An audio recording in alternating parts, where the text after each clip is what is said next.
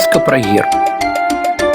У адным царстве, у адным гаспадарстве, можа ў тым самым, дзе жывём мы з вами, здарылася такое здарэнне. Спачатку ўсё ішло сваёй хадой. Мянялася ночка з зарой, людцы жылі сабе пажывалі, добра нажывалі і нават не задумваліся, што так вечна не будзе, што знойдзецца зайздроснік на іхняе шчасце. А яно між тым так і сталася. Жыў недзе за гарамі, за марамі, за дрымучымі лесамі люты цмок. І любіў ён выхваляцца. І я люты цмок, зубамі шчоўк шчоўк, кіпцюрамі драп-драп, хвастом ляп-ляп. Я самый прыгожы, я самый дужы, як жаба ў лужы. Гэта цмокава жонка, ведьма брыдкая, свае тры грошыкі прыткнула. Ты б не выхваляўся тут, а ішоў на працу, злодзейства, якое ўчыніў ці махлярства. Вунь я чула, што за гарамі за марамі, за дрымучымі лесамі у людзей на небе дыяментавыя зорачкі свеціць. Ты такіх не маеш. Дык я пайду і скраду, сказаў цмок. Пайшоў і скраў, нанізаў на нітку, пачапіў сабе на шыю і зноў выхваляецца. Я люты цмок, зубамі шчоўк шчоўк, кіпцюрамі драп-драп, хвастом ляп-ляп. Я самый самый самый прусак з вусамі. Гэта зноў жонка яго пад'юджвае. Ты не выхваляйся, яшчэ ў дарогу збірайся. Я чула, што ў людзей на небе срэбны месячак свеціць. Ты такога не маеш. Дык я пайду і скраду, сказаў цмок. Пайшоў і скраў. Нанізаў на нітку, пачапіў на другую шыю. Дарэчы, трэба сказаць, што быў той цмок трохгаловый, ды яшчэ больш выхваляецца. Я люты цмок. Абыдай ты змоўк, жонка ведьма ніяк не супакоіцца. Ты стары сляпы корч. Усялякую драбязу цягаеш, а галоўнага не бачыш, там за на небе само сонца залатое свеціць. Дык я пайду і скраду, сказаў цмок. Пайшоў і скраў. Сонца сабе на трэцюю шыю пачапіў, а на месцы сонца ў небе свой партрэт павесіў. Маўляў, ён цяпер над людзямі цар гаспадар. На партрэце тым паўстаў цмок ва ўсёй сваёй красе. Пуза выкацяў, лапы да крылы раскірэчыў, Адна галава на захад, другая на ўсход, трэцяя зверху ашчэрылася, а хвост абаранкам закруціў. І невядома, колькі б так мучыўся народ, ажна знайшоўся адзін хлапец, звалі яго Іван. Ды да кажа: Чаго распусцілі нюні, А ну седлаць коніў, пагоню, вызвалім сонца агонь. Але з яго толькі пасмяяліся, куды табе Іван прастак, які ж цябе ваяк, вытры смаркачы, смока не перамагчы. Іван кпіны сцярпеў, нічога не адказаў, коніка аседлаў і ў пагоню рушыў. Спачатку паехаў ён да сваіх сябрукоў. Думае, збярэм войска, чым большае, смялей будзе смокам ваяваць. Прыехаў да першага дружбака, кліча. Гайда сонца вызваляць, але той дружбак яго спыніў. Ціха ты, чаго равеш, Навошта табе тое сонца, У цемры лепей ад смока хавацца, можа не заўважыць, можа не зачэпіць. Паехаю вам да другога сябрука, кліча. А той адказвае: ведаеш, мне і ў цемры неблага, калі светла будзе, трэба ж на працу цягацца. А так цэлы дзень ноч, спі сабе, колькі хочаш. Паехаю вам да трэцяга, а той яшчэ лепшый. Я кажа толькі гэтага і чакаў у цемры красці лягчэй. Я тут такія месцы разнюхаў, ёсць чым пажывіцца. Вось табе сябручці, вось табе і памочнікі. Але наш Іван рук не апусціў. Чалавек вольны на ўсё здольны. Паехаў ён адзін з смокам ваяваць. Едзе Іван паспешае, але ўсё навокал прыкмячае. І бачыць ён в адным месцы такое здарэнне. Плача дзед, плача баба, квохча курачка раба, плачуць, лемантуюць і ўсе на мышку палююць. Пытаецца Іван, што сталася, чаго вы да мышкі прычапіліся. Дык вой жа адказваюць беда, знесла курачка яечка, мы яго паклалі ў чарапіцу, паставілі на паліцу, а гэна зладзейка бегла, хвосцікам маханула, яечка звалілася і разбілася. Ды супакойцеся вы, знайшлі бяду. Курыца вам новае яйка знясе, яшчэ лепшае за тое, залатое. І праўда, пайшла курыца на гняздо, знесла новае яйка, Усе сталі радыя і да мыскі болей не чапіліся. Мыска таксама радая, шэпча Івану. А мой ты заступнік, я ж табе аддзячу.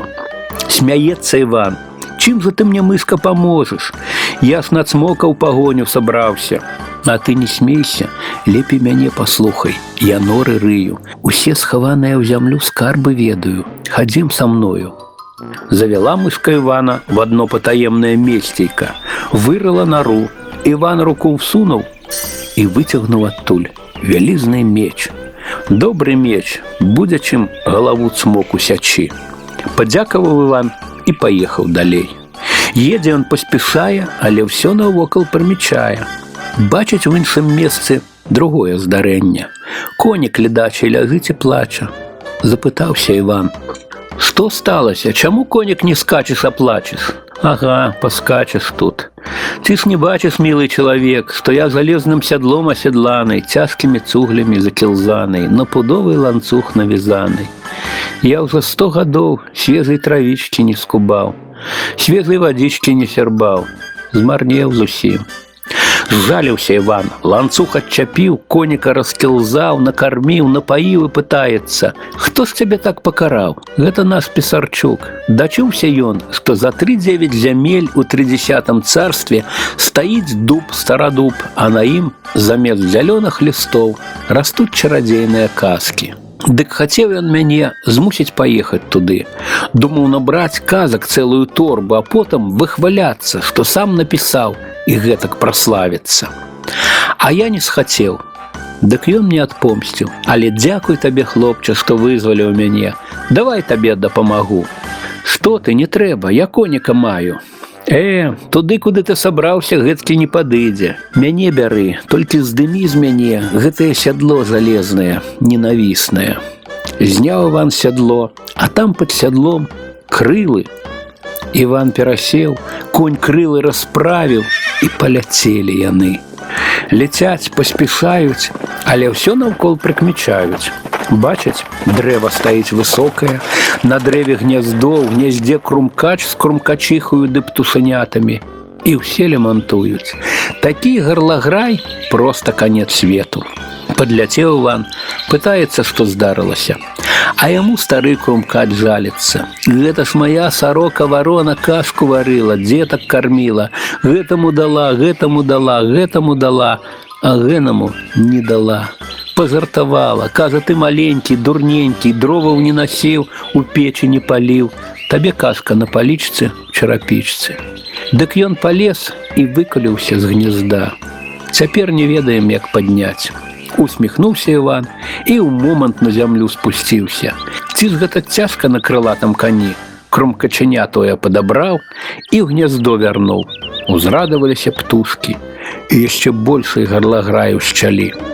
Думаў Іван хутчэй адтуль уцікаць, але крумкач затрымаў. Пачакай, я табе аддзячу, я паўсюль летаю, усё на свеце знаю, пакажу дарогу, куды табе трэба. Еду я ў пагоню на цмока. Гэны злодзей скраў у нас сонца месяцы зоры. Калі ведаеш, пакажы, дзе ён хаваецца. Паказаў крумкач Івану верны шлях і паляцеў Іван на сваім кані ў пагоню. Ляцеў ён ляцеў цераз высокія горы, цераз глыбокія моры, цераз шырокія палі на самый край зямлі. Прыляцеў на гнілое балота, бачыць, пасярод балота купіна. Скочыў ён на яе і давай крычаць: « Гэй цмок, вылазь, стапчу цябе ў гразь. Цішыня, няма цмока. Іван яшчэ раз крыкнуў: « Цмок вылазь, стапчу цябе ў гразь. Цішыня. Тады Третий раз гукае Іван: Вылазь, стапчу цябе ў гразь. Тут купіна затрэслася, паднялася ў гору. І аказалася, гэта сам цмок і быў. Зараз побачым, хто каго стопча. Толькі цяпер зразумеў Іван, з кім яму біцца давядзецца. бо на трох цмокавых шыях пазнаў ён скрадзенае сонца месяц ды зоры. Але слова гонару дадзена пагоню і кінуўся Івану бой.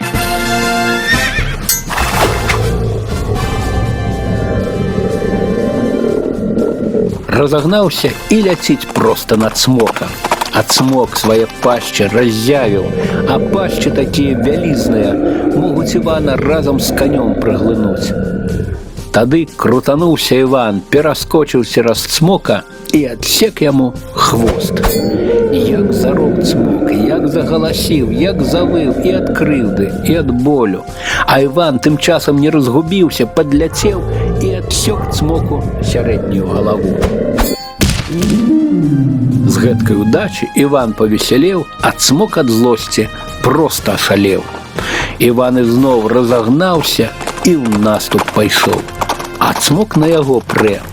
Ляціць Іван на сваім крылатым кані быццам хмара віхура.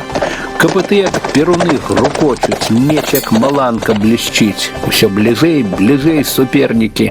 Не бойся, Іван, смела рус, пагоня, рубон.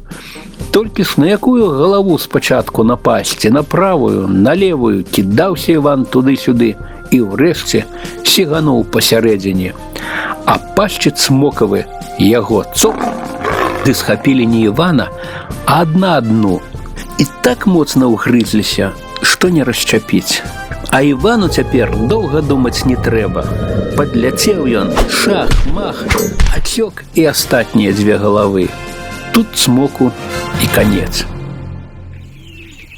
Канец значыцца канец, але гэта цмоку канец, а не нашай казачцы. Зняў Іван з той здыхаты зоркі, выпусціў на неба. Тады месяц, тады сонца.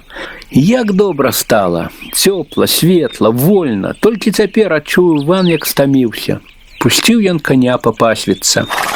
А сам там задзябіўся, спаць паваліўся. Тым часам для ўсіх людзей свята настала, п'юць, гуляюць, толькі каму дзякуй сказаць не знаюць. Праўда, былыя Іванавы сябрыкі здагадаліся, хто цмока забіў. І зрабілася ім так зайздросна. Тады задумалі яны здраду. Пайшлі, знайшлі нашага Івана, які ўсё яшчэ спаў, ні пра што не дбаў. Забілі яго, на кавалачкі пасеклі, ды ў зямлю закапалі. Цмокавы галовы на дзіды сабе пачапілі. Ідуць і хваляцца. Гэта мы цмока забілі, гэта мы цмока забілі, мы героі. Што ж, ёсць такія разумнікі, самі сабе абдураць. Так гэтым разам і выйшла. Бо цмокава жонка ведьма засталася жывая, поплакала, погаласіла яна і зашипела. Ну пачакай, паплаціцца той, хто зрабіў мяне ўдавой. Узнялася яна ў неба, ляціць, бачыць, ідуць трое, такія героі, ды хваляцца, што гэта яны цмока забілі. Наляцела на іх ведьма, забрала ў палон, сперша думала забіць ды з'есці. А тады разважыла, што ёй удаве гэткія героі якраз патрэбіцца. Дык яны недзе дасюль ёй і служаць. А што ж Іван? Можа б так і застаўся ляжаць незнанай у чужой зямлі закапанай, але ягоныя сябры верныя пра яго не забыліся. Сабраліся мышка, крумкач ды конь крылаты і давай Івана ратаваць. Мышка зямлю раскапала, все костачки разам сабрала. Крумкач злётаў за тридзевять зямель у тридесятое царство прынёс у дзюбе вадзіцы жывіцы, Івана пакрапіў. Ён і аджыў. А конь крылаты адвёз яго да хаты. З той пары шмат часу прайшло, але народ гэтую слаўную гісторыю не забыўся. Памятаюць пра пагоню на цмока, шануюць Івана. Дзень той пераможнай бітвы, а было гэта шчаслівай вясновай парою 25 сакавіка. Святкуюць людзі цяпер, як дзень волі. У кожным доме на пачесным месцы вісіць карціна маляваная, у рамачку прыбраная. Пагоня называецца. Рыцар на кані з мячом. Толькі за даўнасцю гадоў некаторыя блытаюць. Кажуць, што гэта ў каня гунька намаляваная. Ніякая гэта не гунька, гэта крыло. Яно проста ў тую хвіліну ўніз апушчанае, а потым шух і ўгору. І ляціць, ляціць пагоня.